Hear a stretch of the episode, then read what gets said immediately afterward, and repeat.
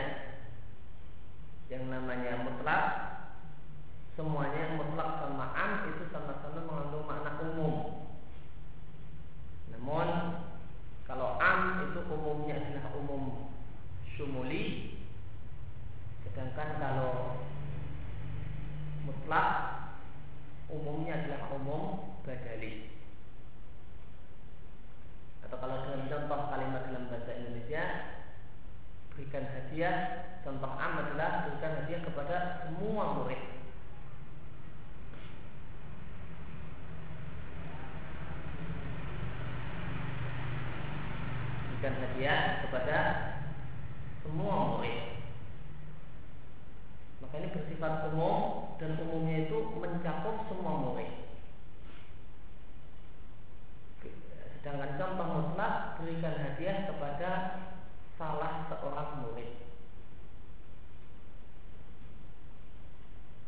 Maka ini bebas asal dia punya sifat murid. Ya, murid ini sifat jenis. Nah, asal dia jenisnya murid, maka dia berhak dan tidak salah seandainya diberi dan orang yang melaksanakan memberikan hadiah kepada orang tersebut tidak salah. Namun cakupannya cuma satu, karena cuma seorang murid.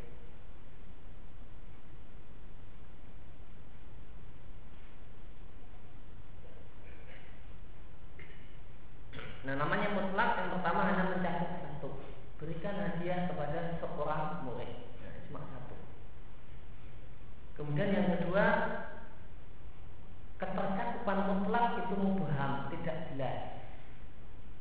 Seorang itu tidak jelas, seorang murid berikan hadiah kepada seorang murid. Ini ketercakupannya tidak jelas. Bisa jadi murid namanya A, B, C dan seterusnya. Murid dengan nomor absen satu, dua, tiga sampai yang terakhir. Ini diambil dari kait dari batasan la bi'aini tidak tertentu.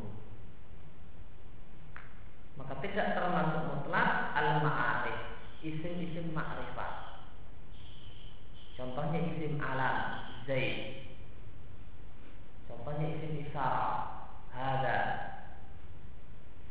Maka syarat Syarat mutlak itu mubah Satu namun mubah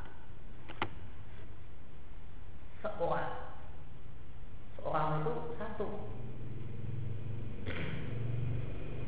Akan tapi satunya itu mubah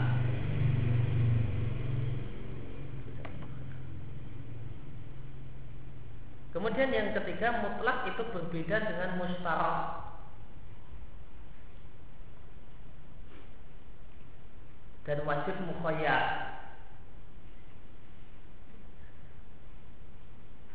Mustarak contohnya ain. Ain itu bisa mata air, bisa mata kepala, bisa mata-mata, bisa emas apakah perak. Dan wajib mukhayyar.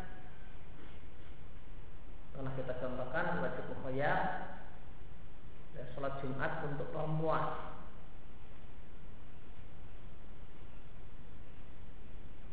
Maka perempuan ketika hari Jumat waktu siang hari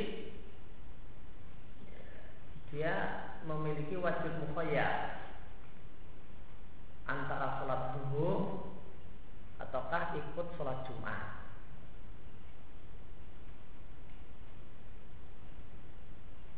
maka dia boleh milih wajib. Hukumnya wajib namun boleh milih.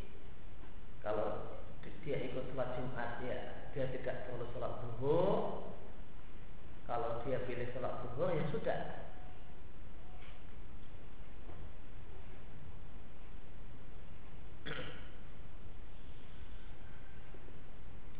Nah mutlak itu berbeda dengan mustaraf dan wajib dan berbeda dengan wajib mukhayyar. Ma'an dan jami padahal semuanya cakupannya cuma satu dan tidak tertentu. Wajib mukhayyar itu cakupannya cuma satu. Perempuan ini disuruh milih satu, cakupannya cuma satu. Dan satunya tidak tertentu, tidak ditentukan. Duhur boleh, sholat boleh. Mustaraf itu dalam satu kalimat itu cakupannya cuma satu.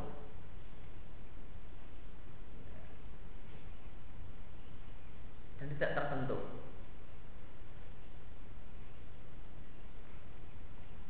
Nah, apa beda antara mustaraf, wajib mukhayyar dan mutlak?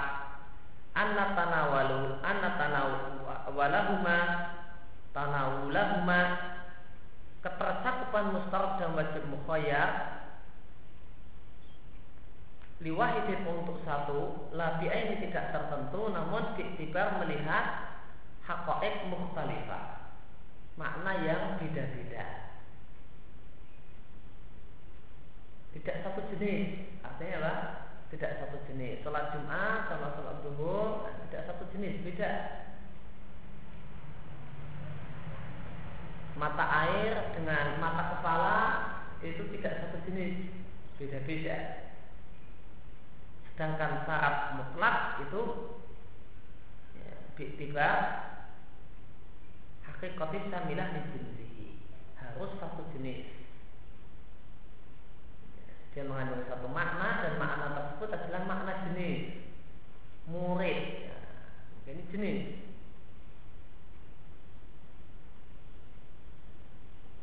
Sedangkan muqayyad adalah mutanawil lil mutanawil muayyan satu kata yang mencakup benda tertentu atau tidak tertentu namun sudah diberi sifat.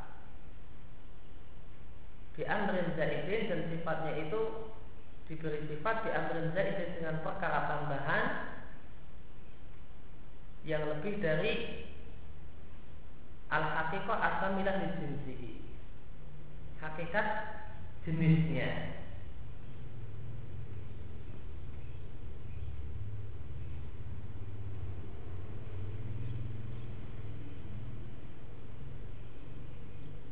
Contoh mukayat eh, jadi mukayat itu ada dua macam. Pertama mutanawil muayyan. Contohnya Zaid, Muhammad atau semisal itu.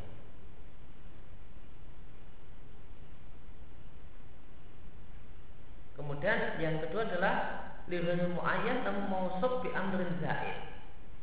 Contohnya bisa kita lihat dari yang dibawakan oleh penulis. Contoh mutlak adalah rokobah. Fatahri rokobatin memerdekakan seorang budak. Ya, yang namanya seorang budak itu ya, cuma satu. Ya tanawal wahid. Namun tidak jelas karena seorang.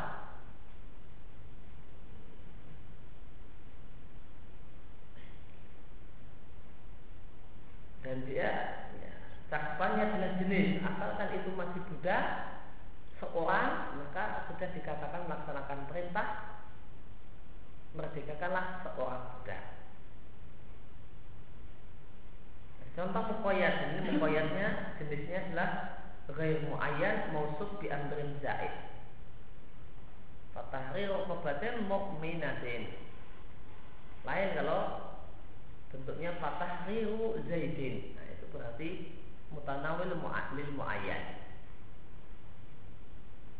ini kobatin mu'minan mu'minatin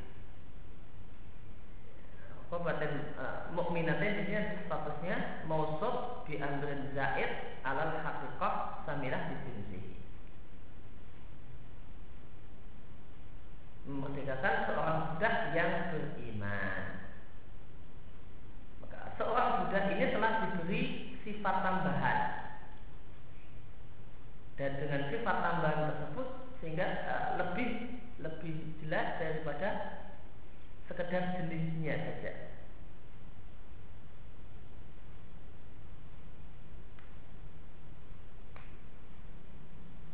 Fakat qayyada raqabah bil iman maka di sini Allah membatasi budak tersebut, mempersyaratkan budak tersebut dengan budak yang beriman.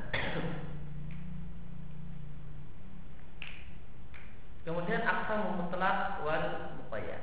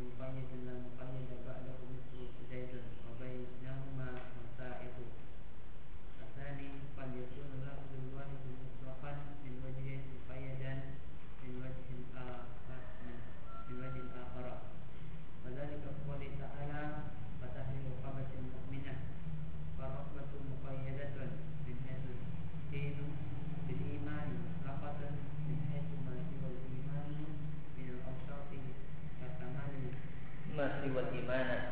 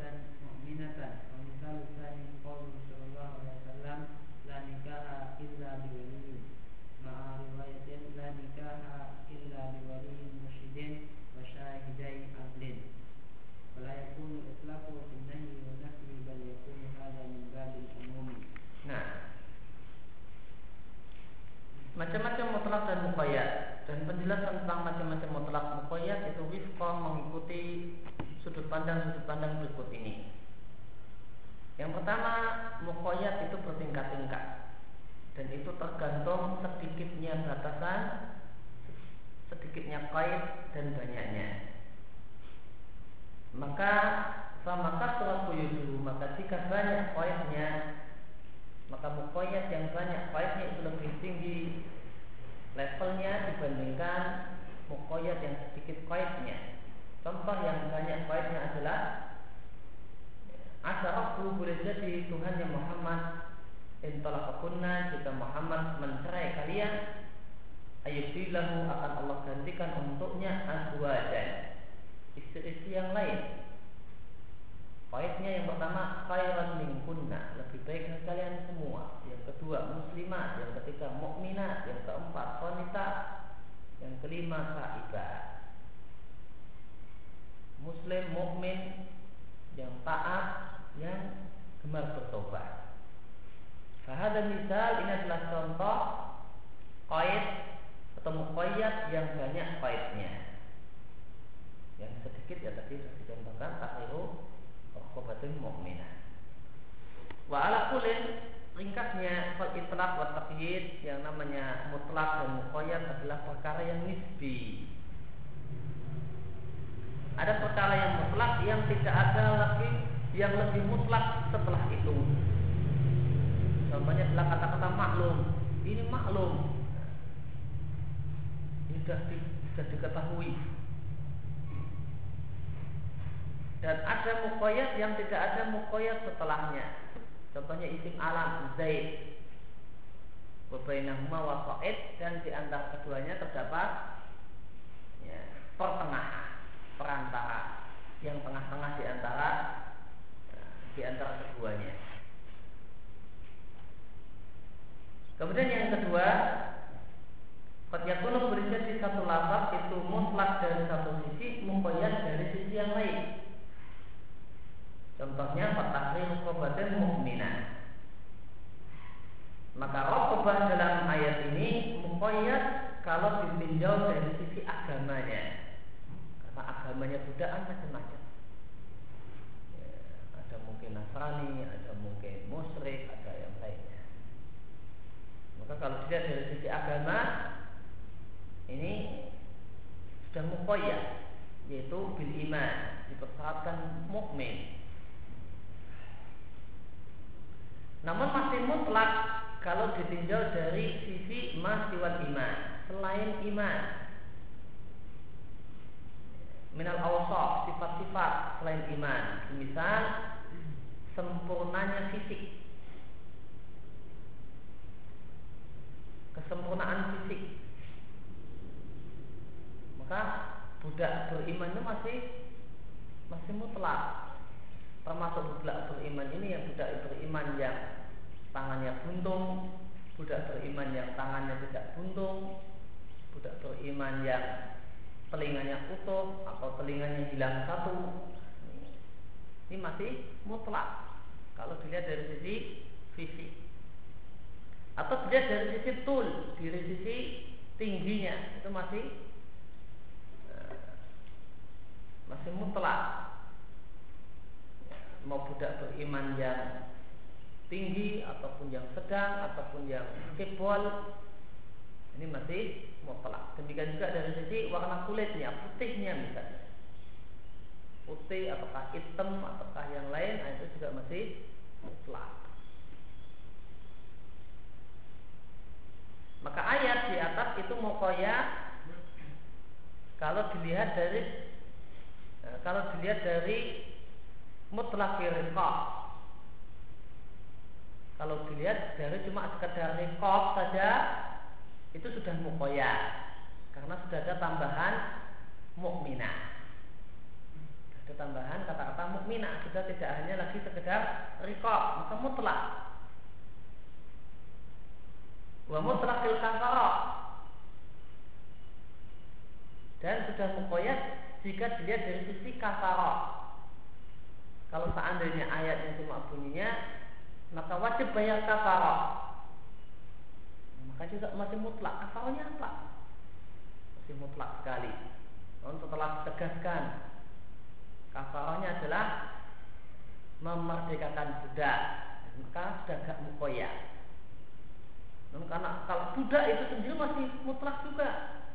Ketika ditambahi budak yang beriman maka mukoyat lagi. Maka kalau dilihat dari sisi kafarah maka dia sudah mukoyat karena jika perintahnya maka bayar kafarah itu terlalu tegak jelas kafarah itu bisa mengerjakan budak, bisa puasa, bisa yang lain. Maka setelah diberi penjelasan kalau itu memerdekakan budak maka sudah mukoya. Dan semata-mata budak saja itu juga masih mutlak ketika diberi tambahan budak yang beriman maka sudah mukoya.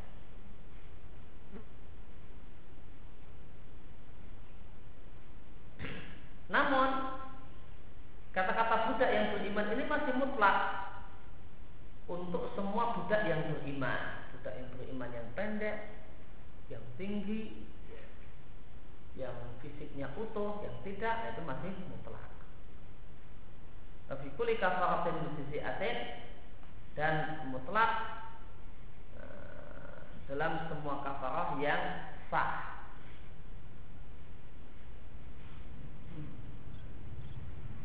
Kemudian mutlak dan muqayyad itu boleh jadi ada dalam perintah dan boleh jadi ada dalam kalimat berita. Contoh dalam kalimat perintah merdekakan seorang budak. Ini contoh mutlak dalam kalimat perintah. Contoh mukoyat dalam kalimat perintah merdekakan seorang budak yang beriman. Contoh dalam kalimat berita, contoh mutlak dalam kalimat berita, tidak ada nikah kecuali dengan seorang wali. Kata-kata seorang wali ini mutlak.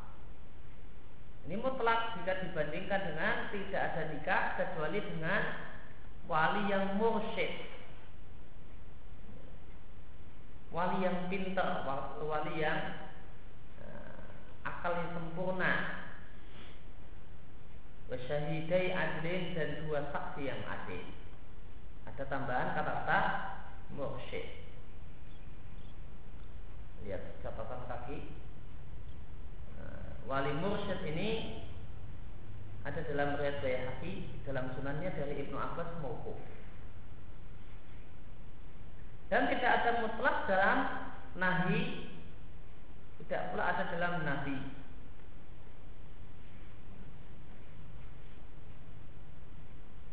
Bahkan yang ada kalau dalam nahi dan nahi itu adalah umum. Nanti namanya umum. Nakirah dalam konteks nahi, nakirah dalam konteks nafi maknanya umum. Tidak tidak disebut mutlak.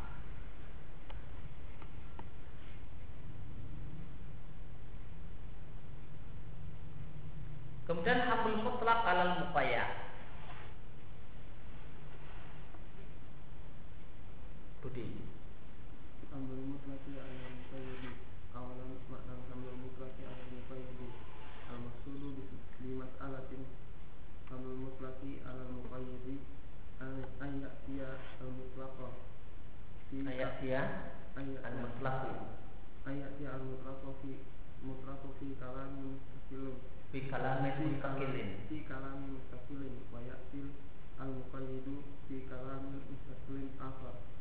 wa makna hamul mutlaqi ala al muqayyadi lista'ayyana ayyakuna al muqayyada hasiman ayyakuna al muqayyadu. Ayyakuna al muqayyadu hasiman ala al mutlaqi bayanan lahu muqayyadan lil itlaqi li itlaqihi. Muqallalan. Muqallilan. Muqallilan fi muqallilan min suyu'ihi wa intisarihi fala yabqa haina idzin lil mutlaqi tanawalu li ghairil muqayyadi.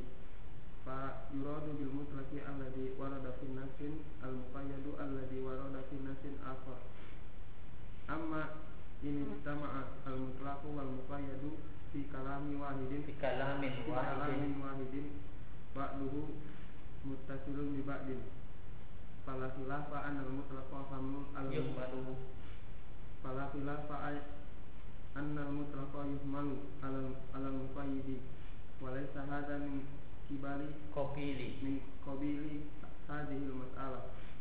Thaniyan al-aslu fil mutlaqi wal muqayyadi yajibu hamlun nafsil mutlaqi ala al-itlaqihi wal wal amalu bihi min hadha al-wajhi. Hadha huwa al-asl. Wa kadzalika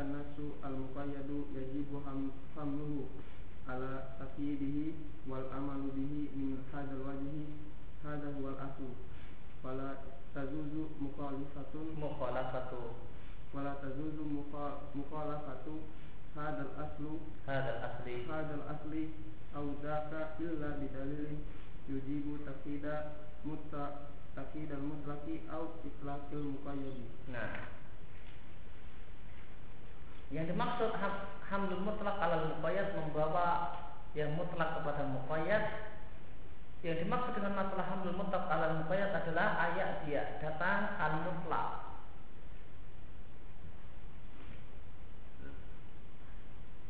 lafaz yang mutlak di kalamin mustaqilin dalam satu kalimat tersendiri. Kemudian datang muqayyad dalam kalimat tersendiri yang lain makanya ada dua kalimat. Yang satu mengandung mutlak yang satu mengandung muqayyad. Nah, maka yang mutlak kita bawa kepada muqayyad. Dan makna hamlul mutlak alal muqayyad idza ta'ayyana jika menjadi sebuah keharusan ayakun al muqayyad adalah muqayyad itu hakiman alal mutlak. Muqayyad itu menjadi hakim atas mutlak dan menjadi penjelas atas mutlak. Muqayyid dan membatasi kemutlakannya. Artinya mempersedikit min suyu'ihi keluasannya dan ketersebarannya. Merdekakan seorang budak itu sangat luas. Itu sangat luas. Ketika ditambahi yang beriman maka akan mempersedikit mukallil eh, mempersedikit min suyu'ihi wa intisyarihi ya, mempersempit. Ya, mempersempit ketercakupannya dan ketercakupannya kalau mau di bahasa lain.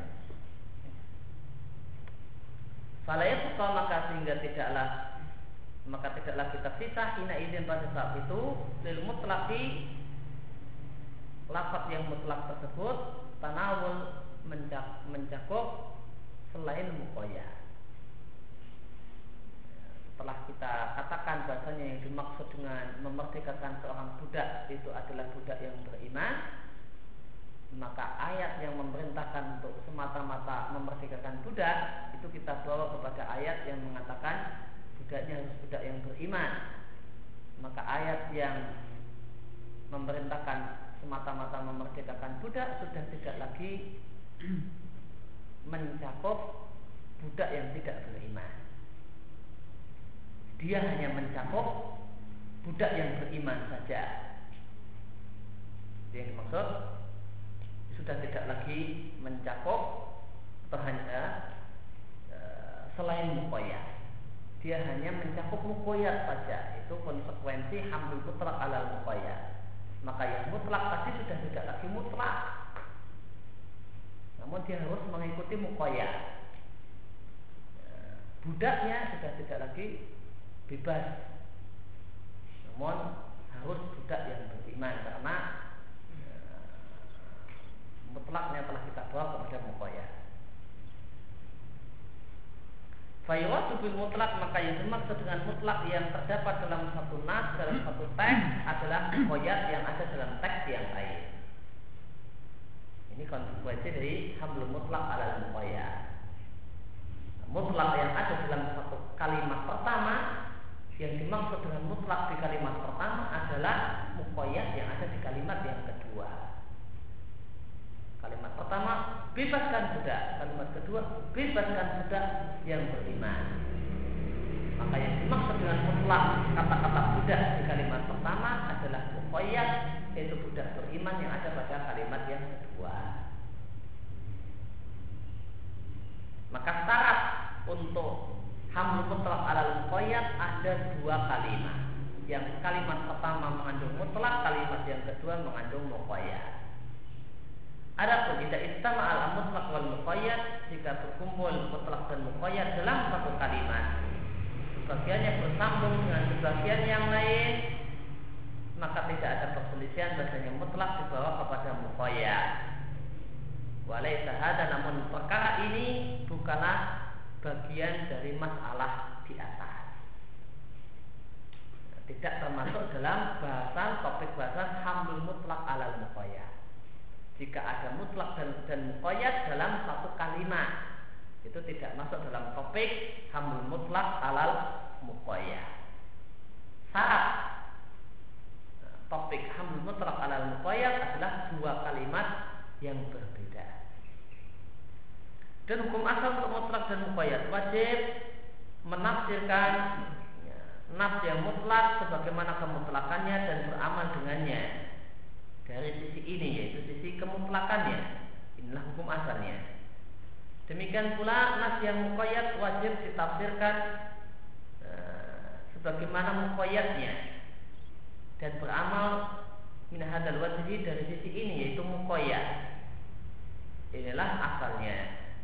Maka tidak boleh menyelisih kaidah ini ataukah kaidah itu kaidah untuk mutlak ataupun kaidah untuk muqayyad kecuali terdapat dalil yang mengharuskan untuk memuqayyadkan yang mutlak atau memutlakkan yang muqayyad.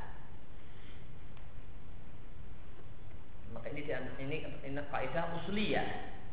Bahasanya mutlak imal ala itlaqi.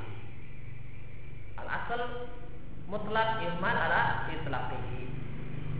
Asalnya adalah mutlak itu dimaknai ditafsirkan sebagaimana kemutlakannya. Kemudian satu hamlil mutlak ala muqayyad. Hanif. Satu hamil mutlaki ala muqayyadi. Yustaratu fi hamil mutlaki ala muqayyadi ayakuma ad-dalilu as-sahihu ala taqil mutlaqi wa la yajuzu wa la yajuzu wal halatu kadzalika amalu bil mutlaqi duna hamlihi ala muqayyad wal muqayyadu hahuna muqaddamun mutlaqi wa hakimun alaihi la farqa fi dzalika bainal kitabi was sunnati wal mutawatiri wal ahadi wal mutaqaddimi wal mutaakhiri. Qala ibnu najari al-fatuhi wahuma ayat al-mutlaq wal muqayyadu ka'amin wa khasin fima dzukira min taksisin min taksisil umumi min min mutafaqin alaihi wa mukhtalafin fihi wa mukhtarin min min khilaf wa yajuzu taqyidul kitabi bil kitabi wa bisunnati wa taqyidul sunnati bisunnati wa bil kitabi wa taqyidul kitabi wa sunnati bil qiyasi wa mafhumul wa mafhumul wa mafhumil muwafaqati wa mafhumil muwafiqati wal mukhalafati wa fi'lin nabiyyi sallallahu alaihi wasallam wa taqririhi wa madhhabi sahabi wa nahwi dzalika al ashafi fil jami'i. Dzalika anna al muqayyada bayanul lil mutlaqi wal bayanu la yustaratu fihi ayakuna fi darajatil mubayyani aw aqwa minhu bal yakfi ayakuna al bayanu sahihan Nabi Syarat hamil mutlak al muqayyad disyaratkan fi hamil mutlak al muqayyad ayat umat dalil sahih terdapat dalil yang sahih ala taqyidil mutlak untuk memuqayyadkan yang mutlak dan tidak boleh dalam kondisi semacam ini beramal dengan mutlak tanpa membawanya kepada muqayyad. Nah, muqayyad dalam kondisi ini muqaddam didahulukan daripada mutlak hakimun alaihi dan dia menjadi hakim atas yang mutlak. Dan tidak ada beda dalam masalah ini antara Quran dan Sunnah Sunnah mutawatir atau ahad yang duluan ataupun belakangan. Baik mukoyat itu duluan ataupun mukoyat belakangan semuanya tetap harus hamil mutlak ala mukoyat Berkata Ibnu Najjar al-Fatuhi dan keduanya itu mutlak dan muqayyad sebagaimana am dan Fima dzukira dalam perkara yang telah disebutkan tentang taksisul umum tentang taksis umum yang disepakati, yang diperselisihkan dan yang terpilih yang paling kuat di antara yang diperselisihkan. Maka boleh memukoyatkan nas yang ada dalam Quran dengan dengan Quran ataupun dengan sunnah. Memukoyatkan sunnah dengan sunnah ataukah dengan Quran? Bahkan memukoyatkan Quran dengan sunnah atau dengan kias dengan mafhum muwafaqah ataupun mafhum mukhalafah?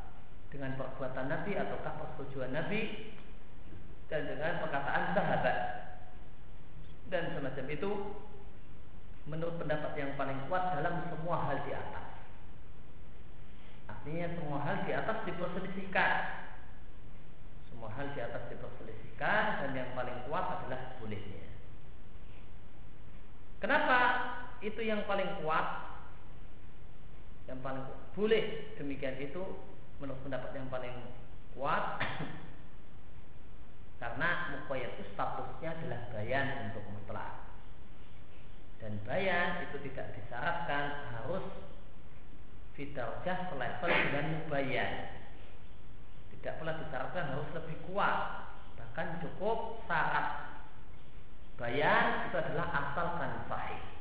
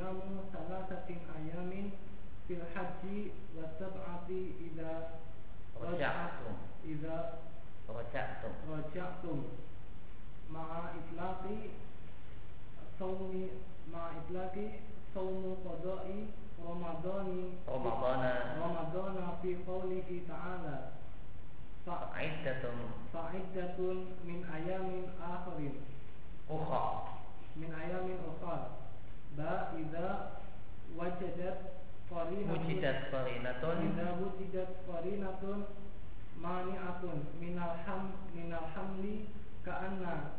Ka'an yastalzima. Ka'an yastalzima hamlul mutlaqi ala muqayyadi ta'khiru ta'khirun ta'khirul bayani. ta'khirul bayani an waqtil hajati fala ham fala hamla. fala hamla wal halata wal halatu. wal halatu kadzalik. Nah yang tani'u tidak boleh atau mustahil. Hamlul mutlaq ala muqayyad membawa mutlak kepada muqayyad dalam dua kondisi berikut ini. Yang pertama jika terdapat dua faid yang bertolak belakang dan tidak ada murajih li ahadihima faktor untuk menguatkan salah satunya daripada yang lain. Semacam untuk puasa bihar terdapat koin. Harus dilaksanakan berturut-turut. Ya, maka berpuasa dua bulan berturut-turut. Sedangkan untuk puasa orang yang haji tamato, orang yang berhaji dengan model tamato dan tidak dan orang yang haji tamato wajib menyembelih hadiu, kemudian dia tidak uh, tidak punya kemampuan untuk kambing maka boleh diganti puasa 10 hari. Nah itu puasa puasanya orang yang tamato itu tafrik tidak harus berturut-turut. Kalau katakan maka puasa tiga hari pada saat haji dan tujuh hari tidak jatuh jika kalian telah kembali ke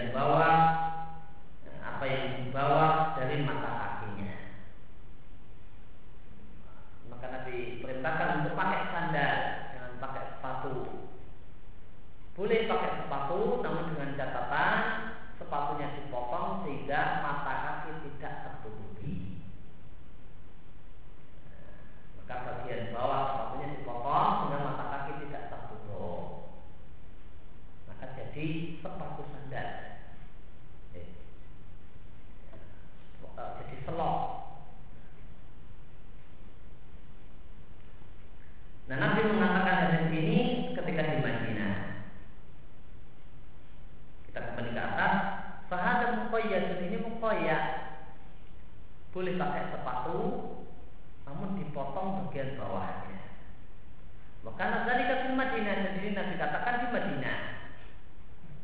Namun terdapat hadis yang mutlak di sana Nabi tidak memper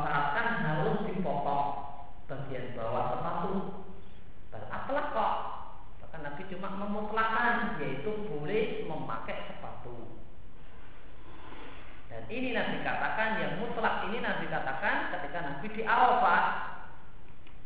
Lihat catatan kan. Itu hadis Ibnu Abbas, beliau mendengar Nabi Sallallahu Alaihi Wasallam khutbah di Arafah. Boleh pakai celana bagi orang yang tidak boleh pakai celana panjang bagi yang tidak mendapatkan izah. Orang berhaji nggak punya izah, oke boleh pakai celana. Boleh pakai khuf, boleh pakai sepatu bagi yang tidak mendapatkan sandal. Ini lebih katakan ketika di Arafah. Maka di sini falayum malhuna maka di sini tidak ada membawa mutlak kepada mukoyah. Kenapa mutlak yang ada di khutbah Nabi di Arafah tidak kita bawa kepada mukoyah khutbah Nabi di Madinah?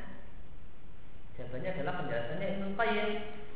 Ibnu Qayyim mengatakan orang-orang yang hadir bersama Nabi di Arafah itu orang mana-mana. Yaman ada, Mekah ada, orang-orang Badui ada. Yang mereka-mereka ini tidak menghadiri khutbah Nabi di Madinah. Karena yang menghadiri khutbah Nabi di Madinah cuma penduduk Madinah saja. Maka seandainya memotong bagian bawah itu adalah sebuah syarat untuk boleh memakai sepatu bagi orang yang tidak menjumpai sandal. La bayyanahu. Tentu Nabi Shallallahu Alaihi Wasallam telah jelaskan kepada mereka-mereka penduduk Yaman, Mekah dan yang lainnya. Di ada ilmihim karena orang-orang ini Yaman, Mekah dan sebagainya ini tidak tahu dengan persyaratan yang Nabi tetapkan di Madinah harus dipotong bagian bawahnya. Dan tidak mungkin iktifa'uhum mereka ini dianggap cukup orang-orang Yaman dan Mekah ini dianggap cukup dengan bima taqaddam min khutbah di Madinah dengan khutbah Nabi di Madinah.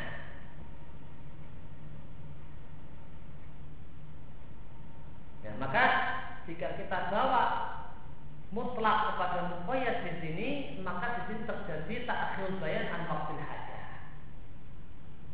Nabi menunda penjelasan padahal sudah sangat dibutuhkan. Kenapa Nabi tidak memberikan penjelasan kalau itu harus dipotong bagian bawah, bagian bawah sepatu di Arafah? Kalau memang itu sebagai suatu kehausan, pada ini sedang dalam keadaan ihram semua. Maka ini sesuatu kebutuhan yang mendesak untuk mendapatkan penjelasan. Maka kalau kita bawa mutlak khutbah Nabi di Arafah kepada khutbah Nabi di Madinah, maka Nabi melakukan takhir bayan an waktil hajah. Nabi tidak memberikan penjelasan tentang keharusan memotong bagian bawah sepatu pada saat dibutuhkan oleh banyak orang di di Arafah yang ini dibutuhkan oleh orang-orang Yaman, orang Mekah dan orang yang lainnya selain penduduk Madinah.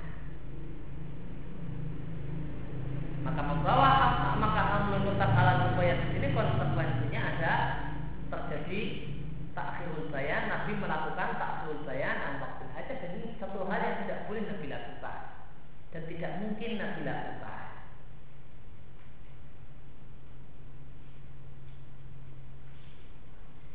Wamihuna maka dari sini Imam Ahmad dan orang ulama-ulama yang mengikutinya mengatakan kewajiban memotong bagian bawah sepatu itu mansuh biitlaqihi dengan perintah Nabi yang bersifat mutlak ketika di Arafah bilusi untuk sekedar memakai sepatu saja tanpa ada keterangan tambahan harus dipotong bagian bawah. Walam ya'mur dan Nabi tidak memerintahkan untuk memotong bagian bawah sepatu fi a'dhami awqatil hajat di waktu yang sangat-sangat dibutuhkannya penjelasan masalah ini. Didengar oleh banyak orang yang uh, bisa dikatakan sangat banyak yang tidak mengetahui khutbah Nabi di Madinah.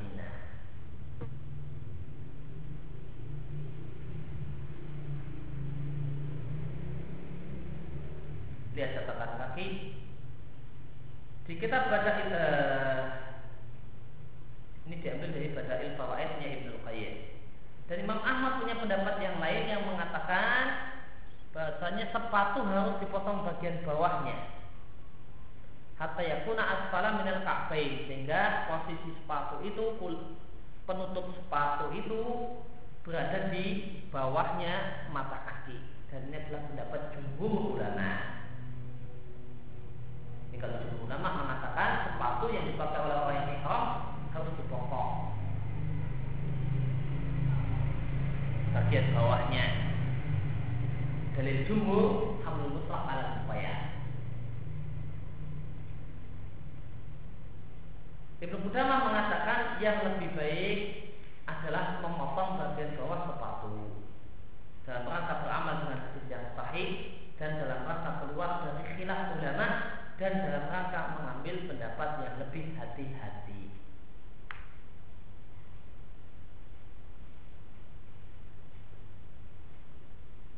Kemudian ahwalul mutlaq wal muqayyad dinisbah lil hamli wa adamihi.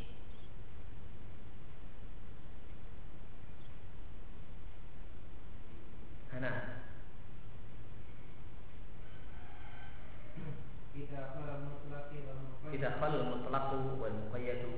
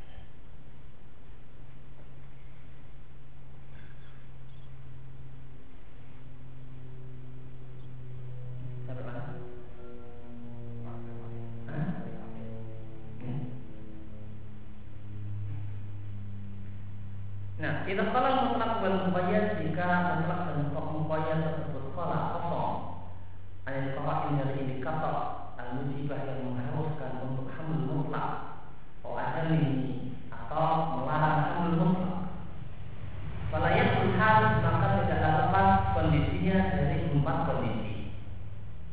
Yang pertama hukum dan sebabnya sama. Contoh terdapat